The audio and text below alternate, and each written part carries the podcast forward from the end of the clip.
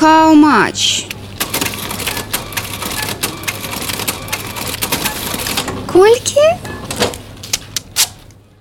Вітаю вас. З вами рубрика хау-матч у якой мы подводзім эканамічныя вынікі тыдня. Сёння мы паговорым пра дурневы дарогі пра тое ці патрэбныя ўладзе разумныя студэнты і чым урад плаціць за прыгожыя справаздачы. Дарогі для беларускіх уладаў заўсёды былі такім прадметам гонару. Амаль такім жа прадметам гонару як айці мелася на ўвазе што мы разумныя і ў нас добрыя дарогі Гэта значит праблем можна сказаць няма. І да часу з дарогамі ўсё было не просто добра ўсё было выдатна дарогі будаваліся рамантаваліся рэканструяваліся было чым пахваліцца Праўда чыноўнікі пры гэтым не надта любілі удакладняць хто аплочваў гэты банкет.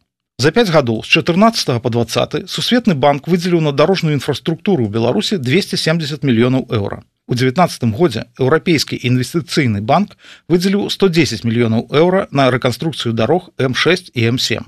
У тым жа 19 годзе Беларусь дамовілася з еўрапейскім банкам рэканструкцыі развіцця аб выдзяленні 260 мільёнаў еўра на трасу М1.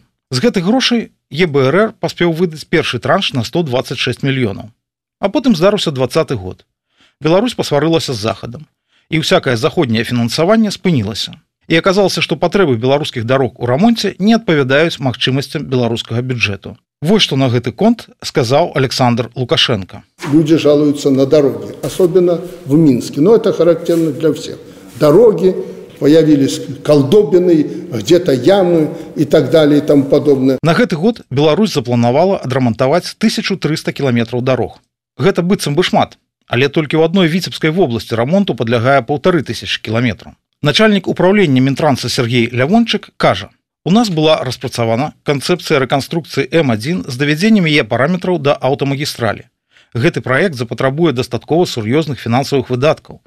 Пакуль было прынята рашэнне, што мы будзем праводзіць не рэканструкцыю, а рамонт участкаў неабходны для падтрымання дарогі ў нармальным стане.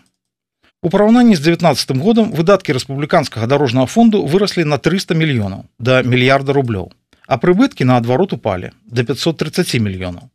Гэта значыць грошы трэба дадаваць з бюджэту. А ў бюджэты ёсць справы і больш важныя.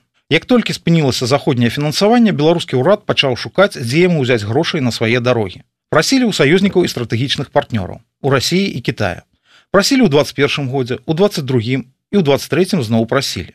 Вядзем працу з расійскімі кітайскімі партнёрамі але пакуль е вынікі дастаткова складаныя кажа Сергей лявончык У перакладзе з чыноўніцкага на чалавечы складаныя вынікі азначаюць, што грошай у нас для вас няма і не прадбачыцца. Мінулым разам мы казалі аб тым, што эканамічны рост у Беларусі наблізіўся да столі, бо першыя 8 месяцаў эканоміка аднаўлялася пасля леташняга падзення. Што далей за кожныя дзясятыя долі адсотку ўрада ўжо давядзецца пазмагацца. Вось што кажа Андрэй Картун, намеснік міністра эканомікі по-добраму калі не здарыцца нічога дрэннага эканоміка можа яшчэ прыбавіць да трох з паловай адсоткаў. А далей усё. Далей эканоміка ўпіраецца ў столь. Але цяжкасці ўрад не палохаюць бо у эканомікі свае магчымасці а ва ўрада свае планы. До конца года рост павінен скласці 3,8сотка і хочаш не хочаш эканоміцы давядзецца гэтым планам адпавядаць. Па словах намесніка міністра эканомікі калі ў эканомікі не будзе атрымлівацца то ўрад акажа ёй неабходную дапамогу. То бок выдаткуе дадатковыя сродкі бо ўрад робіць стаўку на рост спажывецкага попыту. Ідэя ў тым што калі даць людзям грошай то яны будуць больш купляць тавару гэта значыць панясуць свае грошы беларускім вытворцам. А калі яны будуць больш купляць значит народная гаспадарка зможа больш вырабляць. А чым больш яно зможа зрабіць тым больш зможа прадаць. А чым болей зможа прадаць тым больш атрымае грошай заплаціць гэтыя грошы сваім работнікам і яны зноў пойдуць набываць тавары народнага спажывання. Жалезная логіка. Действительно Э, будет самые сложные они э, с точки зрения динамики, э, потому что заканчивается эффект низкой базы. Але чым далей, тым горш працуе логіка ўрада. Бізнес сыходзіць, людзі з'язджаюць. Прапанаваць пазітыўныя стымулы, каб прытармазіць гэты працэс беларуская дзяржава не ў стане. Для таго, каб прапанаваць пазітыўныя стымулы беларускай дзяржаве трэба перастаць быць сабой. Таму замест пазітыўных стымулаў чыноўнікі прыдумляюць новыя забароны. Таму што забароны гэта тое, што беларуская дзяржава умее і любіць і робіць з задавальненнем. Вось што кажа Александр Лукашенко. Хочу сказать свое мнение. Коль у нас есть где-то проблема, то ее надо решать радикальным образом. Да, действительно, специалисты неприемлемо для страны уезжают за рубеж. А мы так это спокойно к этому относимся. э, вуз закончил, два года отработал. Что такое два года? Я считаю, что здесь должны действовать запретительные меры, как бы это не было популярно. З тэрмінамі адпрацоўкі пакуль не вызначыліся. Гэта значыць не менш за 5, але пажадана, вядома, 7 гадоў. А лепей бы адразу пажыццёва. Затое ўжо вызначыліся з тым, што адпрацоўваць мусяць усе. І тыя, хто вучыцца на бюджэце і тыя, хто плаціць за адукацыю, каб потым не прыйшлося адпрацоўваць. Міністр адукацыі аргументаваў гэта тым, што платнікі не даплочваюць. Адкуль заліселі гэтыя разлікі міністр вядома удакладняць не стаў. Бо справа ж не ў разліках, справа ў тым, што дзяржава хоча больш грошаў. А студэнтаў адпускаць яна зусім наадварот не жадае. Але можа так атрымацца, што па выніку будзе менш і студэнтаў і грошай.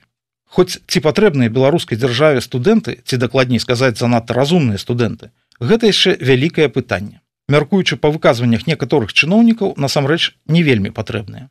Прэм'ер Роман Галоўчынка, напрыклад, паскардзіўся, што ў беларускіх ВНВ вучаць не тых і не таму, чаму трэба.